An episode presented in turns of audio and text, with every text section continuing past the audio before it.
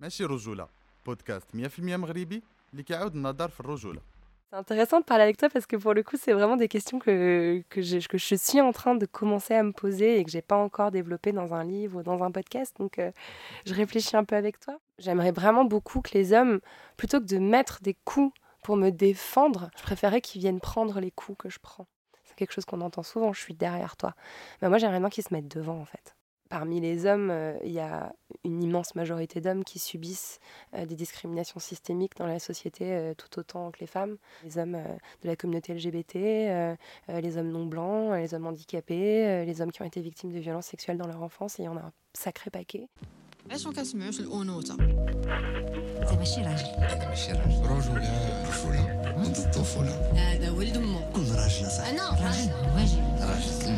ايش ما كتسمعوش الانوثه انت ماشي راجل انا ماشي راجل رجولة رجولة منذ الطفولة هذا ولد امه كل راجل صح انا راجل واجب راجل كلمة شتي زويج ماشي راجل واجب الرجل راسها الرجولة منذ الطفولة ساس راجل الراجل كلمة الراجل كلمة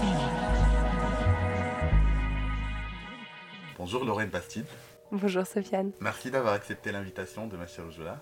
je suis ravie d'être ici. Lorraine Bastide, je suis essayiste, journaliste et podcasteuse. La Poudre est ton podcast qui donne la parole aux femmes pour parler euh, des questions liées euh, aux femmes, au féminisme, aux féminités.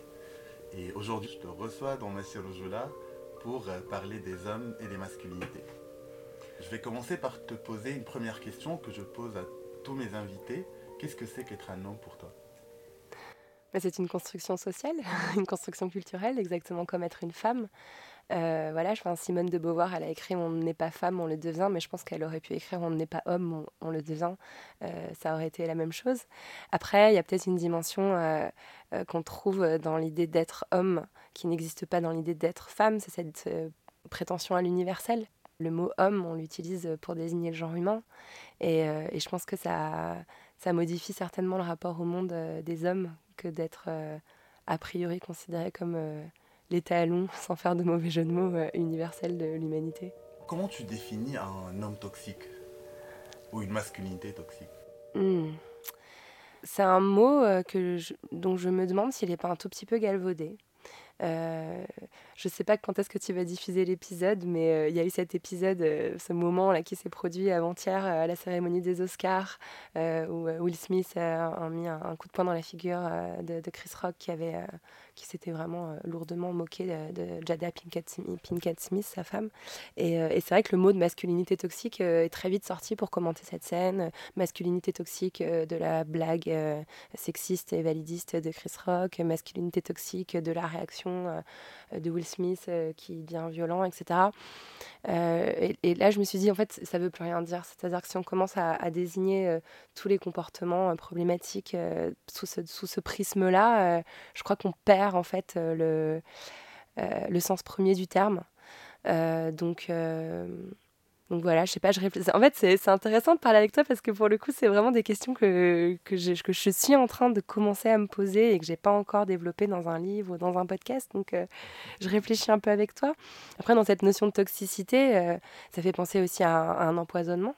Et j'ai peut-être envie d'aller de ce côté-là pour l'interpréter, c'est-à-dire c'est la façon dont les masculinités vont euh, empoisonner euh, les, rapports humains, les rapports psychiques, psychologiques, qu'il peut y avoir aussi bien euh, dans le sein d'une famille, euh, dans le sein d'un couple ou d'une entreprise ou d'un endroit où on travaille, euh, où les comportements euh, attendus des hommes euh, vont, euh, bah, causer des, troubles, des inconforts, euh, des situations violentes.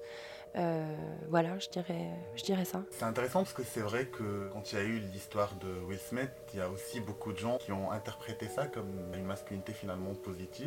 Parce que Will Smith était en train de, défendre son épouse. Et la question que j'ai envie de te poser, en fait, comment un homme aujourd'hui pourrait être un allié des femmes? Moi, en ce moment, j'aimerais vraiment beaucoup que les hommes, plutôt que de mettre des coups pour me défendre, je préférais qu'ils viennent prendre les coups que je prends. C'est facile euh, pour euh, des hommes de dire euh, j'ai compris le discours féministe, je suis d'accord avec toi, je te soutiens, je suis derrière toi. C'est quelque chose qu'on entend souvent, je suis derrière toi. Mais moi, j'aimerais bien qu'ils se mettent devant, en fait. Et j'aimerais bien que euh, quand euh, nous, les féministes, on, on- on doit prendre position sur les réseaux sociaux, sur des questions qui sont euh, très mal comprises, bah moi, j'aimerais bien qu'il y ait des hommes qui disent ça et qui eux aussi se fassent insulter et qui eux aussi euh, comprennent en fait ce que ça fait que d'avoir vraiment une prise de parole féministe engagée, euh, radicale dans l'espace public. Est-ce que les hommes peuvent se définir aujourd'hui comme féministes? Oui, oui.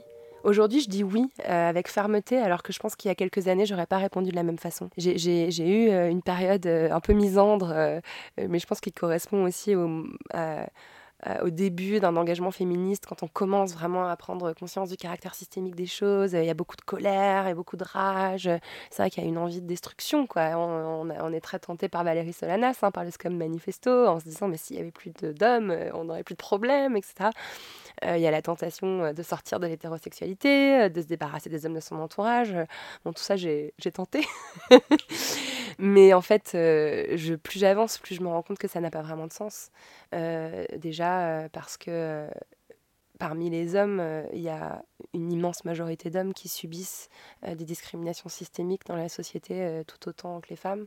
Euh, il y a voilà, les hommes euh, de la communauté LGBT, euh, les hommes non blancs, les hommes handicapés, les hommes qui ont été victimes de violences sexuelles dans leur enfance, il y en a un sacré paquet. Ça n'a aucun sens en fait de les exclure de nos luttes parce qu'au contraire, ils ont, ils, ont, ils ont tout à en, à en tirer et ils, ont- ils en ont besoin aussi. Et, nous, on, a, on a pour devoir de, comment dire, pas de les protéger, mais en tout cas de les défendre. Donc, euh, donc euh, hors de question de, de- de les exclure. Hors de question aussi de faire un tri. Euh, toi, tu as été traumatisé, toi, tu pas été traumatisé. En fait, ça n'a pas de sens. On Mhm. peut pas, on peut pas opérer comme ça. Donc, donc en fait, les hommes, je les veux, je les veux avec, avec moi, je les veux avec nous. Et, et je pense que c'est fondamental de, de travailler à ça maintenant. Est-ce que les hommes, finalement, quand ils se définissent comme féministes, ne prennent pas beaucoup d'espace des fois Ils se permettent d'avoir un avis sur des questions qui ne concernent que les femmes Moi, des fois, on me demande de commenter bah, des sujets qui concernent les femmes dont je ne sais absolument rien.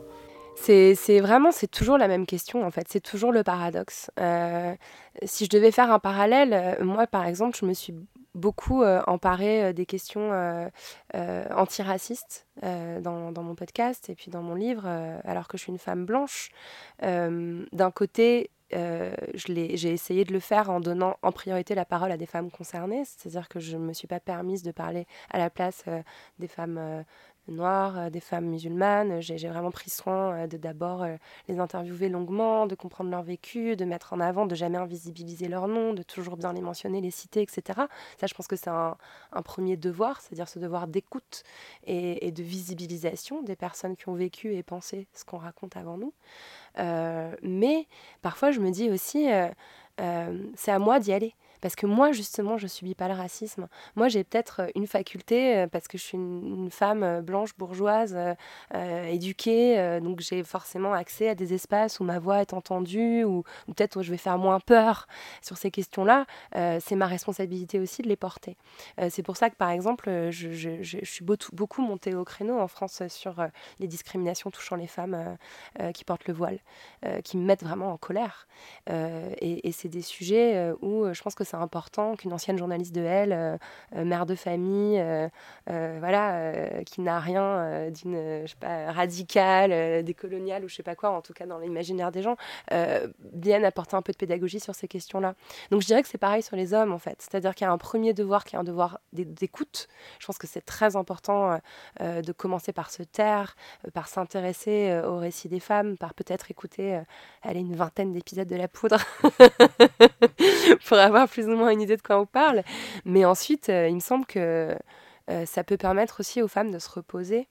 euh, que parfois euh, bah, un homme euh, dise attendez je vais vous expliquer quoi mais peut-être ça dépend aussi du public c'est-à-dire que moi je considère que j'ai un devoir d'éducation auprès des femmes blanches auprès des femmes qui me ressemblent qui Mhm. m'écoutent et peut-être qu'il faut considérer que les hommes ont un devoir d'éducation et de transmission auprès des autres hommes ou peut-être ils vont être reçus différemment Je, suis- je suis absolument d'accord. Moi aussi, dans, dans ma chirurgie, là, je suis vraiment dans la même logique et je me dis que bah, je m'adresse euh, tout d'abord aux hommes pour les sensibiliser, euh, Ouais. pour qu'ils se posent d'abord des questions sur leur, leur masculinité avant de- d'avoir des avis euh, sur, sur les questions qui concernent les femmes.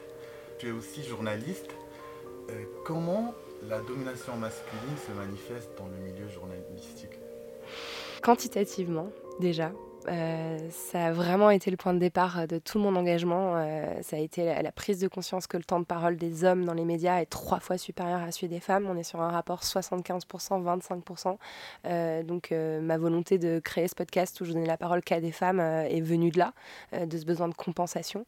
Euh, Il y a aussi euh, pas mal de phénomènes euh, qui relèvent en fait hein, de, la même chose, c'est-à-dire euh, de la silenciation des femmes, euh, qu'on appelle le mansplaining, le mansterrupting, euh, qu'on observe vraiment euh, de façon euh, complètement systémique à la télévision, à la radio. Dès qu'une femme s'exprime, généralement, elle ne finit pas sa phrase parce qu'il y a toujours un homme qui va l'interrompre pour finir à sa place.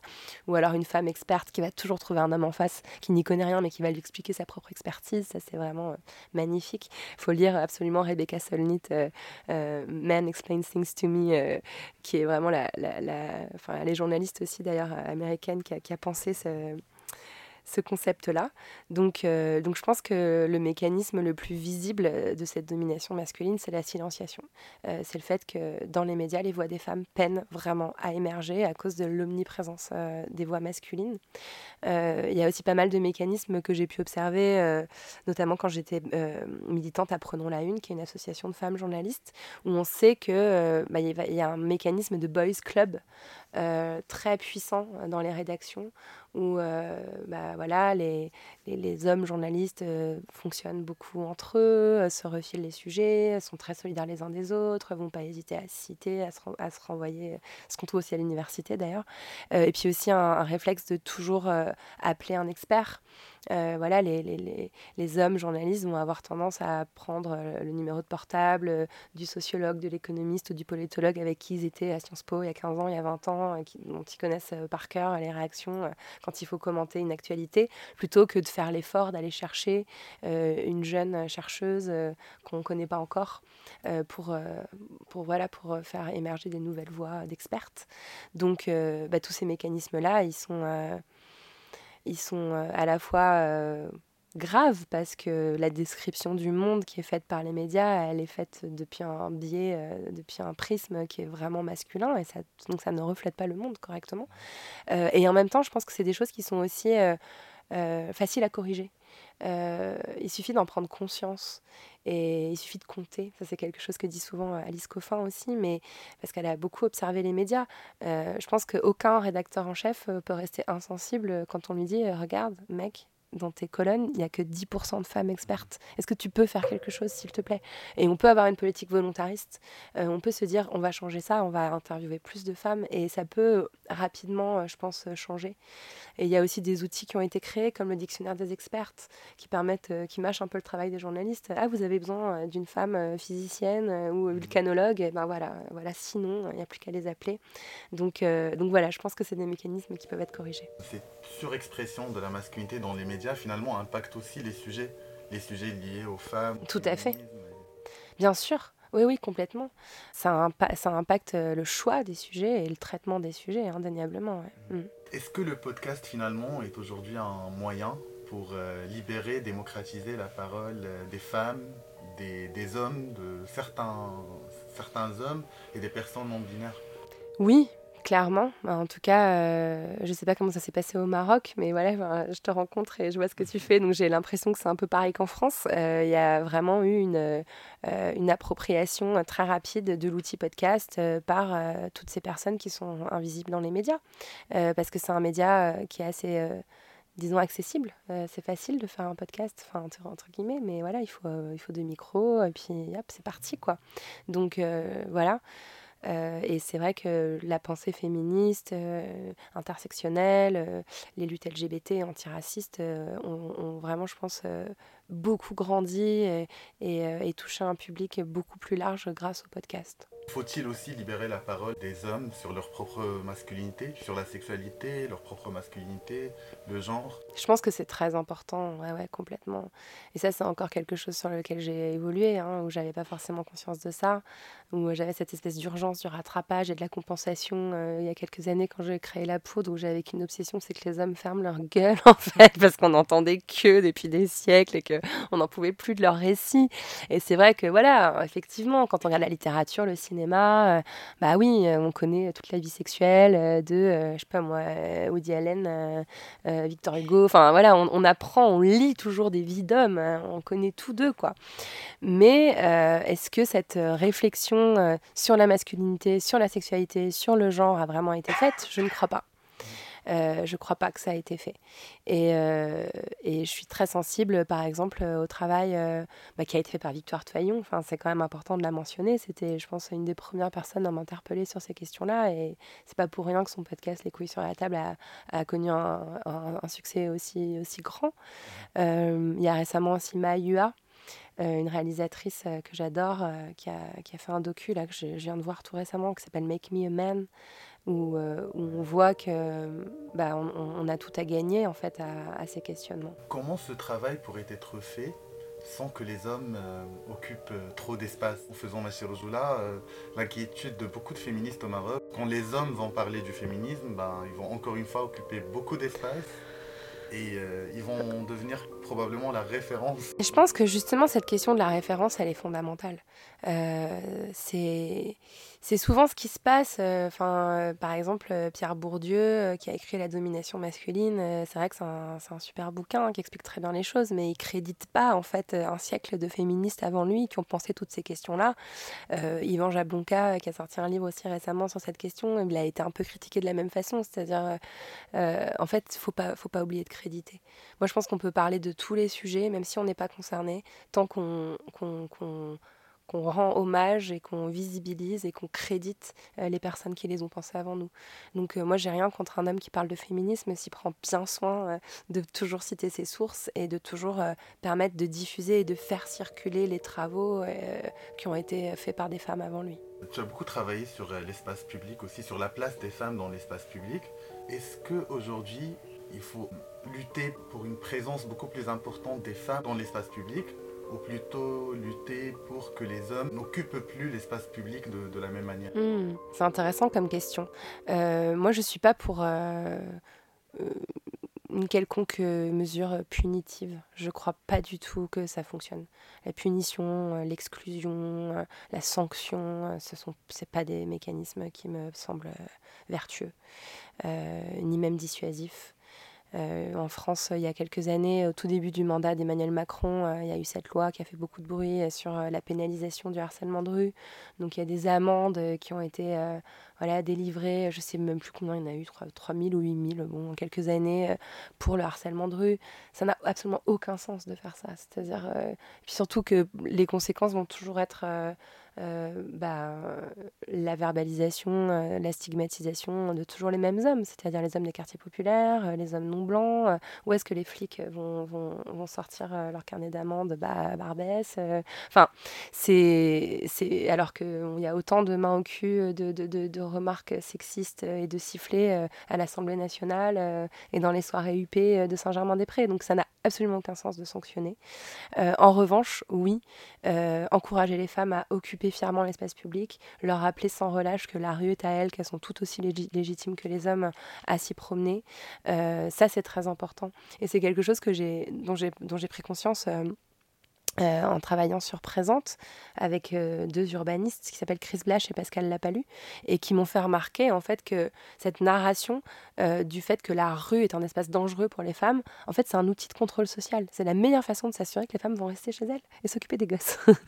et, et ça va pas en fait. Donc oui, il y a toujours un paradoxe autour du harcèlement de rue, c'est-à-dire d'un côté, oui, euh, il faut rappeler que ça existe, il faut dire que la rue est un espace où- dans lequel les femmes sont potentiellement euh, en danger, et en même temps, il faut surtout pas que la conséquence soit euh, euh, le- l'exfiltration en fait des femmes de cet espace public. Donc il faut, faut vraiment veiller à marcher sur ses deux pieds. Est-ce qu'il y a des hommes qui ont inspiré euh, ta façon de penser et réfléchir sur les questions des femmes, sur le féminisme? Oui, il y en a, bien sûr. Bah, déjà, euh, j'ai fait un, master en études de genre à Paris 8 que j'ai repris, euh, enfin j'ai repris mes études au moment où j'ai lancé la poudre, donc il y a, six ans maintenant. Euh, et bah, j'avais deux profs hommes, mais mes deux profs principaux c'était des hommes, c'était Eric Fassin, et Maxime Servul. Donc Eric Fassin, il avait un cours qui s'appelle Race, classe, genre et je sais plus ce que c'était migration je crois qui m'a passionnée. C'est vraiment lui qui m'a passé toutes les bibliographies qui m'ont nourri pour la poudre euh, voilà, puis c'était marrant de suivre ses cours parce que comme il avait tout à fait conscience de, de, de, sa, enfin, de sa position euh, de professeur, homme, blanc, cis, hétéro, euh, dans, dans, la configuration d'une salle d'amphithéâtre où il délivre un cours magistral, etc. Et, donc il essayait toujours d'être dans une plus grande horizontalité. Il y avait des, des, des sketchs parfois avec des étudiantes qui allaient le chercher sur des thématiques où lui carrément il s'asseyait pour laisser la place et pour dire je peux pas parler. Enfin bon, c'était super intéressant et j'ai vraiment beaucoup beaucoup appris grâce à lui. Vraiment, je l'aime beaucoup. Et puis j'avais un autre, euh, mon directeur de mémoire, euh, qui s'appelle Maxime Servul, euh, qui a travaillé sur la blanchité et sur les médias, qui est un mec vraiment brillant. Enfin, je, l'adore, quoi. Et donc, oui, bah, paradoxalement, les deux profs principaux que j'ai eu à Paris 8, c'était des hommes. Je me suis référé à l'expression justement de Simone de Beauvoir, on ne naît pas femme, on le devient. D'ailleurs, il dit même, on ne naît pas homme, on le devient. Et moi, je dis souvent, on ne naît pas homme toxique, on le devient. Ouais. Est-ce que cela te dit quelque chose? Bah oui, oui. En fait, le problème que j'ai là, j'espère que je vais pas dire un truc plus gros que moi, mais euh, si on part du principe que homme et femme, euh, c'est des concepts qui sont chargés en fait de tout un tas de stéréotypes. Euh, moi, par exemple, j'aime bien dire que je suis de moins en moins femme. C'est-à-dire que je me suis libérée euh, de, toutes ces injonctions qu'on m'avait inculquées, de croiser les jambes, de toujours sourire, de toujours m'excuser, de pas parler trop fort, de pas dire mon opinion, d'être consignante avec tout le monde. J'ai un peu envoyé péter tout ça, quoi. Et maintenant, je me tiens toujours les jambes écartées et, et j'ai plus peur de rien. Et donc, en fait, je me suis défait de ces habits de femme. Euh, qui m'avait été. Euh, donc voilà, donc est-ce qu'il y a besoin de rajouter toxique derrière homme? Est-ce que finalement, euh, homme, ça veut pas aussi dire, voilà, courageux, viril, dominant, sûr de soi, exprime aucune, aucune, émotion, etc. Enfin, je sais pas si tu vois ce que je veux dire. donc, donc voilà, peut-être que cet adjectif, finalement, il, est un peu redondant. Il y a beaucoup de gens qui, bah, qui nous reprochent le fait de finalement un peu catégoriser les hommes entre toxiques et positifs. Mais moi, ce que je leur dis souvent, c'est que la catégorisation est déjà là. C'est-à-dire, moi, je suis né dans un monde où finalement, déjà, on catégorise les hommes par rapport aux femmes, mais même les hommes entre eux, bah, des pseudo-hommes, euh, des hommes dominants. Bah, par rapport à tout, à l'orientation sexuelle, mais aussi aux aspects physiques. Finalement, en fait, cette catégorisation toxique positive est probablement là, justement, juste pour, euh, pour, pour, euh, pour mettre fin aux autres catégories. Tout à fait. Et construire quelque chose, finalement, une masculinité qui est par défaut inclusive, positive. Ouais, ouais, ouais je te rejoins complètement là-dessus. C'est tout à fait ça. C'est-à-dire, euh, ça il faut nommer les catégories pour mieux les détruire. Hein. C'est tout le débat qu'il y a autour du mot race en France. on est au courant qu'il n'y a qu'une seule race humaine, mais à un moment donné, il faut quand même expliquer qu'il y a certains groupes de catégories de, de, population euh, qui sont euh, racisés. Et, donc voilà, effectivement, il y, a y a, des catégories d'hommes qui sont classées euh, toxiques ou non toxiques. Après, j'ai tendance à penser que tout est toujours... Enfin, par exemple, j'ai beaucoup de mal quand, on, quand j'entends un violeur, les violeurs comme s'il y avait une catégorie d'hommes euh, qui mhm. violent, euh, alors que le viol est tellement diffus, c'est tellement un continuum euh, qui concerne pratiquement tout le monde en fait. Donc ça donne toujours cette impression qu'il y a des hommes monstrueux, fous et déviants qui risquent de violer, et puis d'autres absolument pas quoi. Enfin, je sais pas si tu vois ce que je veux dire. C'est vrai qu'on a tendance à, donner un visage au violeur. Bah, le violeur, on essaie de, de, le relier à une catégorie sociale. Voilà à une façon d'être, qu'il est souvent dans l'espace public. Il y a des catégories mentales en fait hein, qui sont mhm. déjà là et il faut, euh, faut les nommer pour les faire euh, disparaître. Comment tu imagines les hommes dans l'avenir? Je vois mes enfants. Euh, je parle pas souvent euh, de, de, mes enfants, mais j'ai deux garçons. Donc, donc je les vois grandir. Et je crois que, enfin, peut-être parce que c'est mes enfants et que, je les ai sensibilisés très jeunes à ces questions-là, mais j'ai quand même l'impression que là, il y a une génération qui arrive qui est déjà pas mal déchargée d'un certain nombre de fardeaux de ce côté-là. Euh, mes enfants ils parlent de façon inclusive, par exemple. Ils disent toujours, euh, bah moi, quand j'aurai un amoureux ou une amoureuse, et ça leur, ça- voilà, enfin, l'hétérosexualité ne, va pas de soi. euh. Voilà, j'ai toujours pris soin aussi de ne pas les enfermer euh, dans une catégorie, euh, de, de, de, surtout pas fabriquer de l'homophobie intériorisée. euh, Enfin, je sais pas, bref. En tout cas, je pense qu'il y a une génération qui arrive qui va être beaucoup plus cool. Enfin, j'espère. J'espère. Ouais, j'espère qu'ils ressembleront à mes enfants, on va dire ça. Dernier mot pour les auditeurs et les auditrices de Machirojula, mais aussi les auditrices et auditeurs de La Poudre qui l'écoutent euh, d'ici, du Maroc. Ouais, bah, bah, je me suis rendu compte euh, là, en venant à Casablanca, à quel point la poudre était euh, écoutée ici. J'ai eu vraiment beaucoup de témoignages, beaucoup de retours de femmes, mais aussi d'hommes. D'ailleurs, quasiment autant, qui m'ont énormément euh, touchée. Et, euh, et je n'avais pas, ouais, j'avais pas conscience en fait euh, de à quel point la poudre pouvait porter au-delà des frontières. Donc, donc déjà merci de m'écouter ici. Et, et voilà, bah, je sais pas, continuer de créer des médias, de créer des espaces. J'ai cru comprendre aussi en échangeant avec plusieurs personnes que ça peut être, le contexte peut être plus difficile au Maroc euh, qu'en France euh, sur certaines questions, quoi qu'en France, les féministes, elles se font bien tacler ces derniers temps. hein. Mais euh, donc voilà, je pense qu'il faut continuer à pousser les murs. Et, et ça marche. Lorraine Bastide, merci beaucoup. Merci infiniment à toi, Sofiane. Et bon séjour à Casablanca. Merci. Presque fini, mais c'était chouette.